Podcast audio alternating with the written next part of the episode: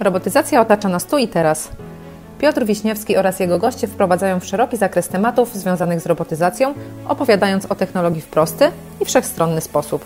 Zapraszam do wysłuchania rozmowy specjalistów w tym zakresie. Dzień dobry.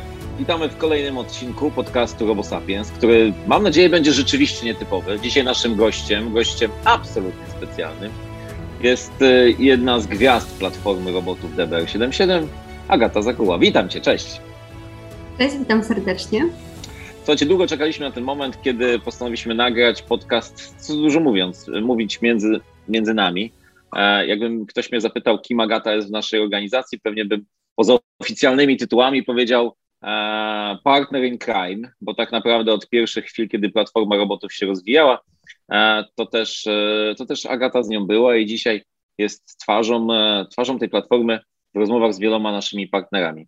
Zaprosiłem Agatę do naszego podcastu, ponieważ Agata mając lat 28, tak, nie mylę się, urodziny były w tak. tym tygodniu, e, jest bardzo młodym głosem naszej organizacji i także młodym głosem świata robotów. I bardzo bym chciał dzisiaj porozmawiać z Tobą, Agato, o tym, jaka jest rola kobiet w świecie robotyzacji i czy młodzi ludzie mogą znaleźć w tym wątku coś, co jest dla nich interesującego.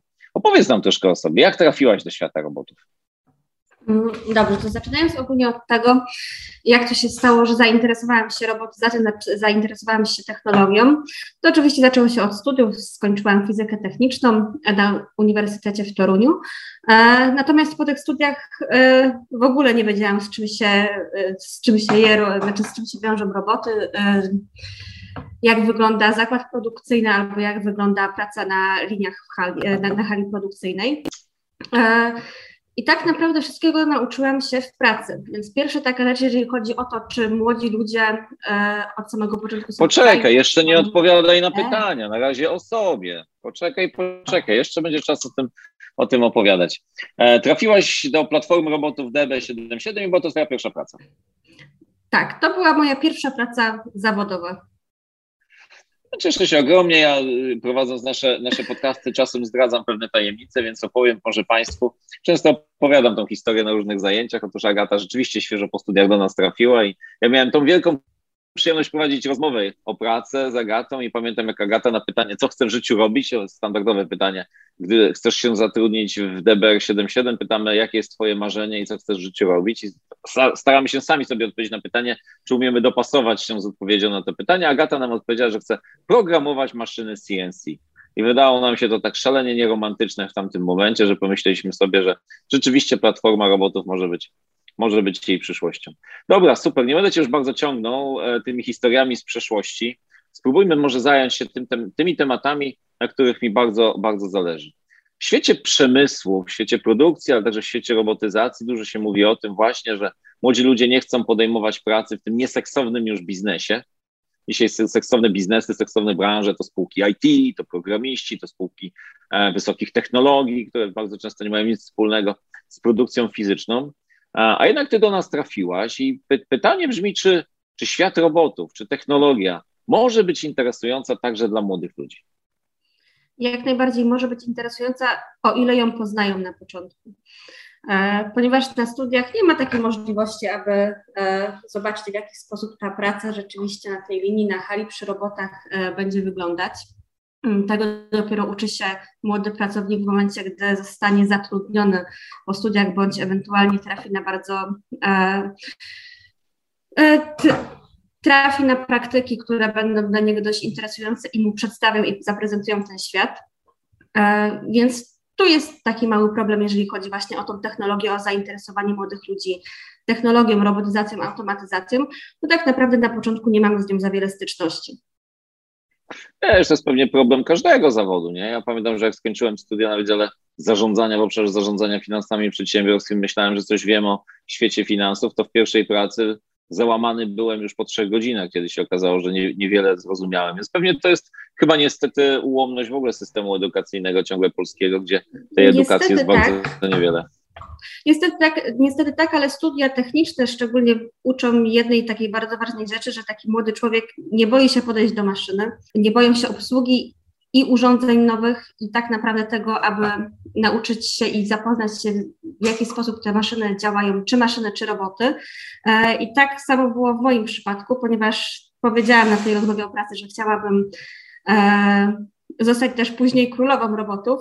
W momencie, gdy to powiedziałam, nie miałam w ogóle e, pojęcia, z czym to się wiąże, z czym to się je, jakie są modele robotów, jacy są dostawcy, jak w ogóle się wstawia robota na, na stanowisko. Mm, ale wiedziałam, że w momencie, gdy zapoznam się z dokumentacją, zapoznam się z tym, w jaki sposób taki robot działa, to nie będzie to stanowiło dla mnie problemu. Więc myślę, że to jest e, plus młodych ludzi, który, którzy kończą kierunki techniczne. E, jeżeli mają taką w sobie odwagę i, e, i chcą poznać ten świat, to jak najbardziej będą mogli to zrobić w swojej pierwszej, pierwszej pracy, ale będą potrzebowali właśnie jakiegoś motywatora. Wiesz co, ja myślę, że to, o czym ty teraz mówisz, to jest chyba książkowa domena tak zwanej generacji milenialsów, którzy gdzie mówimy o tym, że już nie bardzo chodzi o to, czy my was tego my, tu mówię o tych generacjach poprzednich, nauczymy czegoś nowego, tylko dużo bardziej chodzi o to, żebyśmy was inspirowali, motywowali, czasem mentorowali wam w tym poszukiwaniu, bo przecież wiedzę to wy znajdziecie 16 razy lepiej niż my, to wy jesteście e, nomadami świata digitalnego, nie my, więc przecież znajdziecie odpowiedź na każde pytanie, czy mylę się. Jak najbardziej znajdziemy albo na YouTubie, albo w Google'ach, więc nie ma problemu. Tak, kwestia tylko, kwestia tylko tej woli. No dobrze, słuchaj, jesteś z nami mhm. trzy lata, przeszłaś przez pewien e, proces edukacji, kilka szkoleń w obszarze programowania robotów, kilka, kilka zadań. Może byś troszkę o tym opowiedziała. Czy to była podróż e, prosta, czy wszystkie klocki i ścieżki po drodze, które spotykałaś, wszystkie szkolenia, na które cię wysyłaliśmy, nieskromnie powiem, miały większy sens, czy, czy rzeczywiście ten system edukacji dla młodego człowieka jest gotowy, czy on się też jeszcze dopiero kształtuje? Jeżeli chodzi o system związany z programowaniem robotów, z sam, samą robotyzacją, to jak najbardziej jest on już myślę, że na takim poziomie, gdzie po paru szkoleniach e, osoba, która zostaje wysłana na stanowisko jest w stanie sobie z takim robotem poradzić. Oczywiście najwięcej się człowiek uczy w boju, e, więc ja po tych szkoleniach, w momencie, gdy miałam możliwość zaprogramować pierwszego robota na hali produkcyjnej, nauczyłam się wtedy najwięcej. E, ale też nie ma co ukrywać, takie programowanie robotów to nie jest tylko ta właśnie seksowna robota przy, e, przy takim realnym robocie na stanowisku, ale to też jest wiele godzin spędzonych nad kodem, które się pisze tak naprawdę online, w online na komputerze. E, analizuje się wszelkie parametry związane z tym, czy dany model robota jest wystarczający do tego, aby wykonać zadanie, które zostanie mu powierzone. E, więc sama ta praca programowania jest już do, jest, jest, jest przyjemna na sam koniec. Żeby dojść do tego momentu, trzeba naprawdę jeszcze przeanalizować sobie cały proces dokładnie, e, by to stanowisko rzeczywiście realnie mogło działać. No tak, ale tak jak powiedziałem, jesteś z nami trzy lata. Szkolenia, o ile pamiętam, przeszłaś trzy. Jesteś dzisiaj bardzo pochlebna dla tych, u których na szkoleniach byłaś, bo ja pamiętam, że z tych trzech szkoleń na pierwsze, z pierwszego jak wróciłaś, to powiedziałeś, że to była strata czasu i pieniędzy, szczęśliwie nie twoich pieniędzy, tylko firmy, e, więc jakby nie ma wielkiego dramatu, ale zadowolona nie byłaś. Później trafiłaś do szkolenia, to szkolenie, do szkolenia z jednego z naszych partnerów, dostawców robotów i, i tam przeszłaś bardzo głęboką szkołę. E, to już jakby bez, e, bez pozycjonowania e, i po tym się zaczęła twoja przygoda. Dobra, słuchaj, to był jeden, to jest jeden aspekt, który ja bym podsumował taką myślą, że jak młody człowiek ma ochotę wejść w ten świat, który jest światem pewnie pewnej przyszłości i tych zawodów będzie dużo na pewno potrzebnych i praca w nie jest chyba aż tak bardzo ciężka, jak mogłoby się wydawać, to mam drugi temat, którym chciałem się trochę pomęczyć. E, słuchaj, świat przemysłu to jest świat facetów. Ja zarządzałem przez kilka lat automotivem i jak się daliśmy wokół stołu, to jeżeli tam była jedna kobieta, to był wielki sukces. Tak najczęściej to po prostu samce siadały wokół stołu i to, to był i jest świat facetów. I, i tutaj rodzi się pytanie, czy, czy robotyzacja twoim zdaniem jest sposobem na to, żeby jednak e, złamać ten mit, że no przecież tu nie będzie trzeba dźwigać, nie trzeba będzie się siłować z masą jakichś urządzeń albo nie wiem, e, napotykać wielkie wyzwania. Powiedzmy sobie szczerze, faceci tam wcale niekoniecznie lepiej, ja to mówię jako facet, lepiej je przeżywają. E, powiedz mi, czy wydaje ci się, że to jest czas na równouprawnienie w przemyśle, że macie takie same szanse zajmować się robotyzacją jak faceci? Tak, myślę, że to jest odpowiedni moment, to jest odpowiednia e, gałąź przemysłu, do której kobiety powinny zostać dopuszczone w większym tutaj, e, w większym gronie. Tylko nie ma też co ukrywać, kobieta na takim stanowisku na początku jest postrzegana e, przez tych mężczyzn jako taka niepewna osoba. E, mniej się jej ufa przy, przy zadaniach, które są jej powierzane. E, I musi ona na pewno się wykazać tą wiedzą i umiejętnościami, żeby, żeby została doceniona na takim stanowisku. Miałaś jakieś zdarzenia w swojej historii programistki na stanowiskach, gdzie panowie nie docenili Twoich zdolności? Z racji wieku i płci pewnie, nie tylko na płeć trzeba zrzucać winę, bo jednak wiekiem też nie przekonywałaś do swoich kompetencji, zaczynając pracę na projektach. Znaczy może nie tyle, co e, nie docenili, ale w końcu docenili, może to jest to odpowiednie słowo. E, rzeczywiście miałam tak e, parę takich sytuacji. Jedną z takich myślę, że o której ty też myślisz i którą masz w głowie, to ta, gdzie na początku, jak rozmawialiśmy na, podczas prac nad projektem z, z naszym klientem, E, klient nie dowierzał, że rzeczywiście będę programować robotę. W momencie, gdy uruchomiliśmy to stanowisko, rzeczywiście stałam przy tym robocie i go programowałam. Pan myślał, że jestem tylko twarzą tego projektu. Twarzą tylko nie byłam, rzeczywiście też, e, też e, zajmowałam się i programowaniem, i, i konstrukcją całego tego stanowiska. Było to zdziwienie po drugiej stronie, ale ja też wtedy poczułam, że E, że potrafię takie rzeczy robić, że trzeba, trzeba się pokazać, trzeba też mówić o tym, jakie ma się umiejętności, a, a nie czekać tylko na to, aż, aż ta druga strona to zobaczy. Tak, my dzisiaj mamy nawet w ramach platformy robotów DBR77 i, i troszkę pod wodzą Agaty program, w którym rozmawiamy mocno o kobietach w przemyśle. Zrobiliśmy taki webinar. E, bardzo dużo głosów wróciło do nas. Drodzy Państwo, jak macie ochotę na naszej stronie tbr77.com możecie odszukać filmów z tych webinarów, gdzie rozmawialiśmy właśnie o roli kobiet w przemyśle. E, co więcej, na, nie, niebawem już na ITM-ie w Poznaniu też będziemy prowadzili taki panel, bo widać, że ten temat jest ważny, a my z kolei bardzo staramy się temu, e, na, na, na to zapotrzebowanie odpowiedzieć, bo wierzymy głęboko w to. I Agata jest tego przykładem, że robotyzacja daje równouprawnienie e, i my, panowie, chyba powinniśmy zacząć się martwić, bo tu przychodzi duża rzecz. Czym Agato dzisiaj się zajmujesz na platformie, bo to też pewnie będzie temat naszej rozmowy. Trochę opowiem o platformie. E, dzisiaj na platformie odpowiadam za dział sprzedaży, za kontakt z inwestorami i z integratorami. E, wspieram też integratorów w przygotowywaniu koncepcji dla, e, dla swoich przyszłych klientów.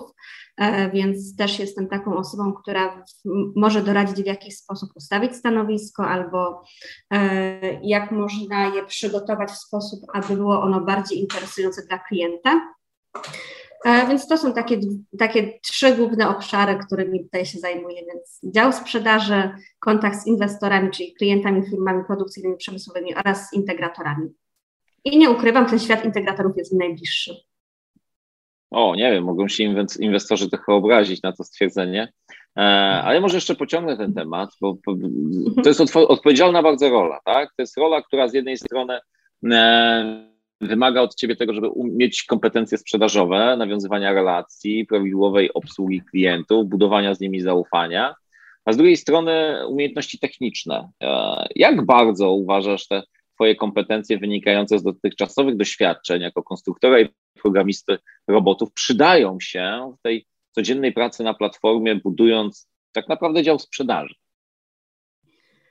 Mm, myślę, że te moje umiejętności techniczne e, pozwalają przekonać do siebie właśnie te dwie strony transakcji, do tego, że platforma jest takim miejscem, na którym, e, od którego można rozpocząć rozmowę odnośnie robotyzacji czy automatyzacji i też pokazuje im, w jaki sposób mogą e, te pierwsze spotkania u klienta zamienić na spotkanie na platformie. Okej. Okay. E, drodzy Państwo, ja na początku powiedziałem, że Agata jest partner in crime, czyli partnerem w zbrodni, co znaczyło mniej więcej tyle, że ja od półtora roku opowiadam o platformie robotów mniej więcej, trochę może tylko zażartuję, jak powiem, że 50 razy w tygodniu. I Agata prawdopodobnie tyle samo w tygodniu, albo nawet chyba dzisiaj więcej w obecnym czasie opowiada więcej razy niż ja. Natomiast na różnych targach, konferencjach, prezentacjach bywały dni, że robiliśmy to po 50-80 razy. Więc wypada mi zapytać Ciebie, E, okay. czym zajmuje się platforma robotów DBR77? Dobrze, to w takim razie platforma robotów jest to takie miejsce, które ma połączyć ze sobą firmy produkcyjne przemysłowe z integratorami, czyli takie firmy, które chcą swoje stanowiska zautomatyzować, zrobotyzować nie tylko poszczególne pojedyncze stanowiska, ale też całe linie, a z drugiej strony są to firmy integratorskie, które wdrażają te rozwiązania u klientów końcowych. Tak jak my o sobie mówimy, to mówimy głównie, że, jesteśmy Amazonem świata robotów i myślę, że to stwierdzenie będzie, będzie nam jeszcze długi czas tutaj towarzyszyć i, i rzeczywiście będą tak nas ludzie postrzegać.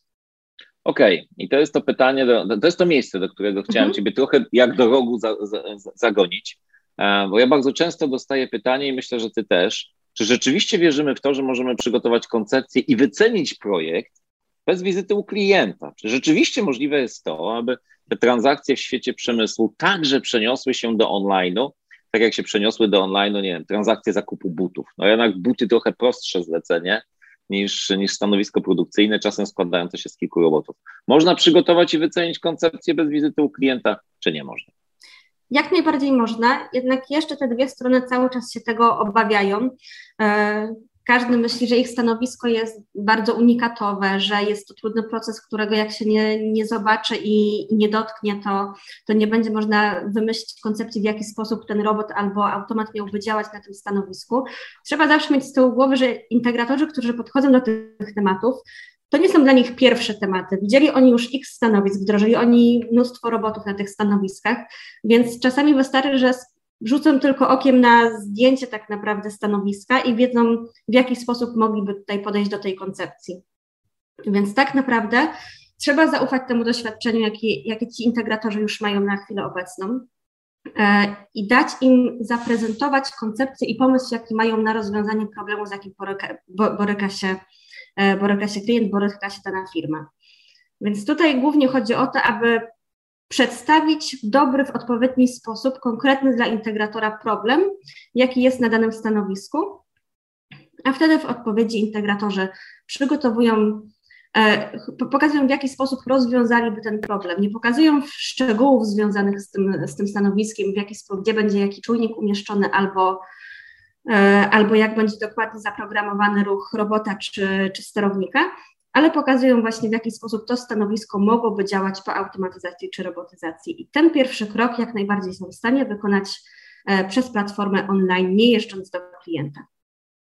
Ja bym może sparafrazował trochę to, co mówisz. Sensem, sensem platformy i pomysłem i unikatowością rozwiązania jest to, że e, dzięki, dzięki nam dzięki rozwiązaniu naszego studia 3D nie trzeba malować detalicznie rozwiązania, tylko właśnie przedstawiamy pewną koncepcję i integrator składając swoją wstępną ofertę, opierając się właśnie na tej koncepcji, wyceniając koncepcję, nie wchodzi w detale mówiąc, drogi kliencie, to jest mój ogólny zarys pomysłu i uwierz mi, mam tak duże doświadczenie, że ta koncepcja za budżet, który Tobie przedstawiłem, może być zrealizowana.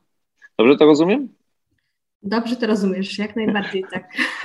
Fantastycznie. Ja bym to podsumował jeszcze jedną myślą, słuchaj, bo ja teraz, jak doskonale wiesz, pracuję dzielnie nad książką, która miała być wydana już kilka miesięcy temu, a jeszcze swojej połowy nie osiągnęła swojej objętości. Ale do mnie ostatnio, do mnie właśnie, już ją trochę nawet promujemy, e, do mnie ostatnio dotarło, że każda technologia, każdy nowy produkt, każda zmiana w każdej, każdej znanej branży e, dotyczyła z jednego, blokowana była przez jedną z trzech obszarów. A widzisz teraz, y, teraz coś nowego, czego pewnie jeszcze nie słyszałaś. Otóż pierwszy obszar to są zmiany przepisów prawa, to znaczy często legalizacja powoduje, że pewne zmiany na rynkach nie są możliwe. Tak na przykład jak wchodził Uber, no to kierowcy, kierowcy taksówek byli blokowani przez, znaczy blokowali, blokowali przez swój lobbying i przepisy prawa kierowców Ubera. Drugi obszar blokady to jest technologia. To znaczy niekiedy rzeczywiście jest tak, że na przykład przesył internetu nie był wystarczający przez długi czas, przez długi czas żeby Netflix mógł sprzedawać swoje usługi w streamingu. E, a trzeci obszar to są nawyki klientów. I okazuje się, że one są najczęstszym problemem. To znaczy, klienci dosyć długo przekonują się do tego, że nowe rozwiązania mogą być dla nich korzystniejsze, tańsze, szybsze, bezpieczniejsze, bardziej dostępne. Innymi słowy, mogłyby wyprzeć stare, ponieważ my jesteśmy zwierzątkami, które przyzwyczajają się do pewnej e, tradycyjności i do, do tego, że korzystamy z naszych nawyków. I okazuje się, że my chyba dzisiaj na platformie robotów DBR77 głównie właśnie staramy się przekonać naszych klientów, stronę transakcji do tego, że mogą swoje rozwiązania realizować w inny sposób. Nie blokuje nas prawo, bo nie reguluje, nie reguluje w ogóle zasad transakcyjności w tym obszarze. Nie jest już dla nas przeszkodą technologia, bo nasze studio 3D świetnie odwzorowuje to, co się dzieje między, między stronami transakcji. Dzisiaj staramy się przekonać strony, aby spokojnie mogły podchodzić do tego, że na platformie można dokonywać fajnych transakcji. Ja wiedziałem, że nasze spotkanie nie będzie wprost wywodem i że popłynę w opowieści, ale przepraszam Cię gorąco, to dzisiaj Ty jesteś gwiazdą naszego spotkania. Tak, ale jak najbardziej zgadzam się z Twoim e, wywodem, ale warto też wspomnieć o tym, e, jak to wygląda na chwilę obecną po stronie integratorów, którzy pracują nad koncepcjami i pracują poza platformą. W momencie, gdy jeżdżą oni do klienta i przygotowują swoje koncepcje, przedstawiają swoje oferty, robią to bardzo szczegółowo. W momencie, gdy taki inwestor chce zebrać około 3-5 ofert, żeby, żeby tak naprawdę wybrać tą technologię, która będzie mu najbardziej odpowiadała, musi na to, muszą ci integratorzy na to poświęcić bardzo sporo czasu. A tak naprawdę na koniec finalnie wybierany jest jeden integrator, który ten projekt będzie wdrażał. Platforma właśnie chce zaoszczędzić ten czas obu stronom i przedstawić, że że ta koncepcja, która będzie na początku przygotowana przez integratora, nie zajmie mu zbyt wiele czasu, a inwestor wybierze sobie takiego integratora, z którym będzie chciał rozwijać swoją dalszą technologię. Okej. Okay. Mam nadzieję, że trochę wyjaśniliśmy, trochę zachęciliśmy, ale żeby nie było tak, że tylko i wyłącznie opowiadamy o tym, że coś się kiedyś wydarzy.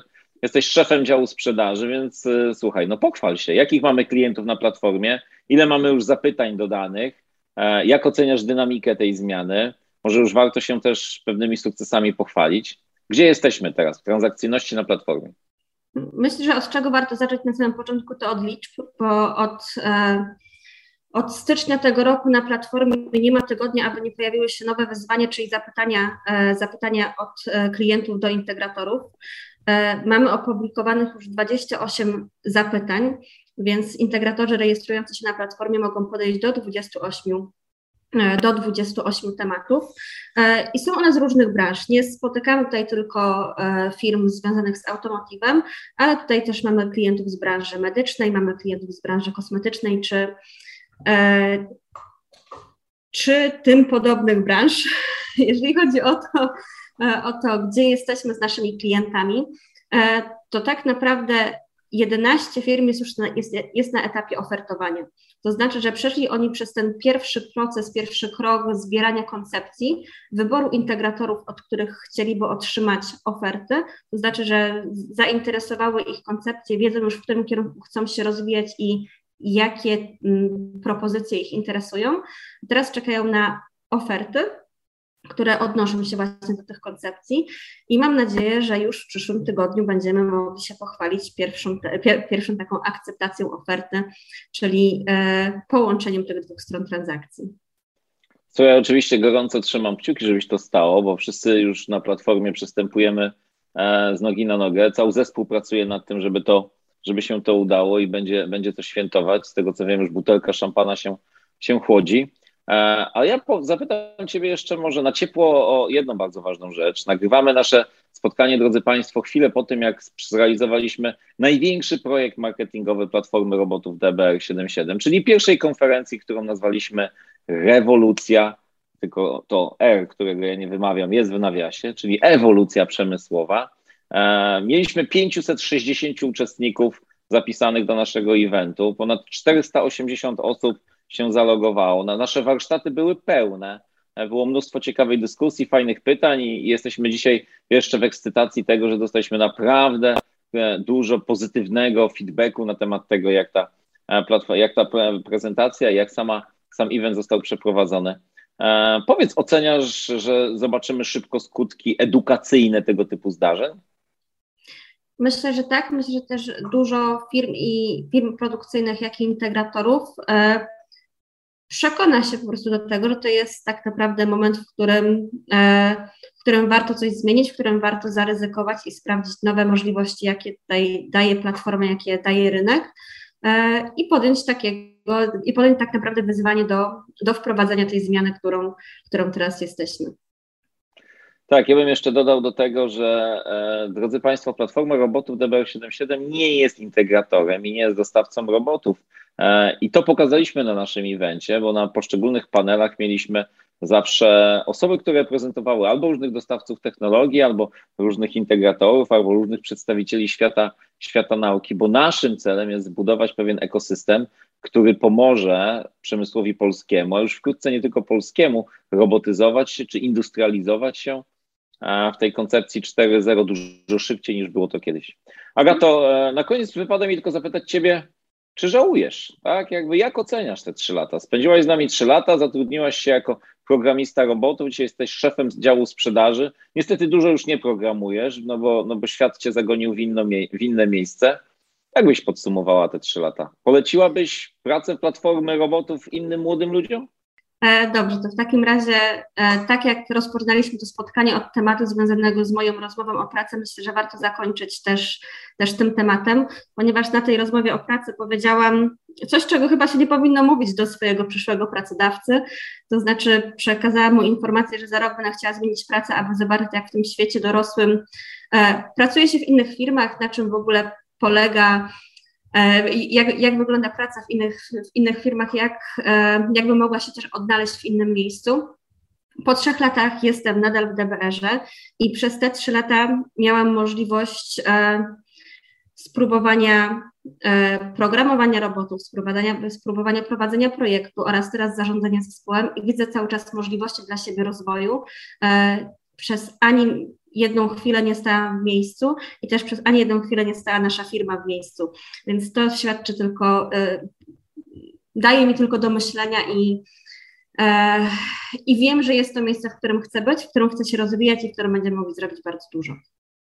Ja może na koniec tylko dodam, że uwielbiam ten moment, jak wchodzisz do sali pełnej na przykład integratorów albo specjalistów od produkcji i oni już nie patrzą na ciebie jak na tą e, twarz projektu, o której mówiłaś wcześniej, tylko jak na człowieka, którego trzeba posłuchać, bo wiadomym jest, że ma do powiedzenia coś, coś mądrego. A, więc często, gęsto bywasz tym najmądrzejszym człowiekiem w pomieszczeniu. Mi na koniec naszego spotkania ciśnie się takie e, nie, nie wiadomo komu przypisywalne powiedzenie, które mówi, że tylko szaleni ludzie zmieniają świat i ja mam nadzieję, że dalej w, na platformie robotu będziesz miał tą iskrę, e, która sprawia właśnie, że ludziom się bardzo chce. Dziękuję Ci ogromnie za to spotkanie e, i, i cóż, wielu sukcesów dalej. Dziękuję bardzo. Do widzenia. RoboSapiens to seria podcastów inspirowanych oraz sponsorowanych przez pierwszą na świecie platformę robotów DBR77.com. Ta unikatowa platforma pozwala sprawnie i efektywnie zrobotyzować linie produkcyjne praktycznie każdej branży. Jesteśmy jedynym miejscem, które stwarza możliwość zdalnego przedstawienia wyzwania technologicznego w nowatorskim studio 3D oraz umożliwia zebranie szerokiego zakresu koncepcji jego rozwiązania. Platforma DBR77.com dostarcza innowacyjne i darmowe oprogramowanie, dzięki któremu w pełni zaprojektujesz i przeanalizujesz linie produkcyjne, a nawet całe zakłady produkcyjne. Platforma robotów DBR77 to wszystkie roboty w jednym miejscu.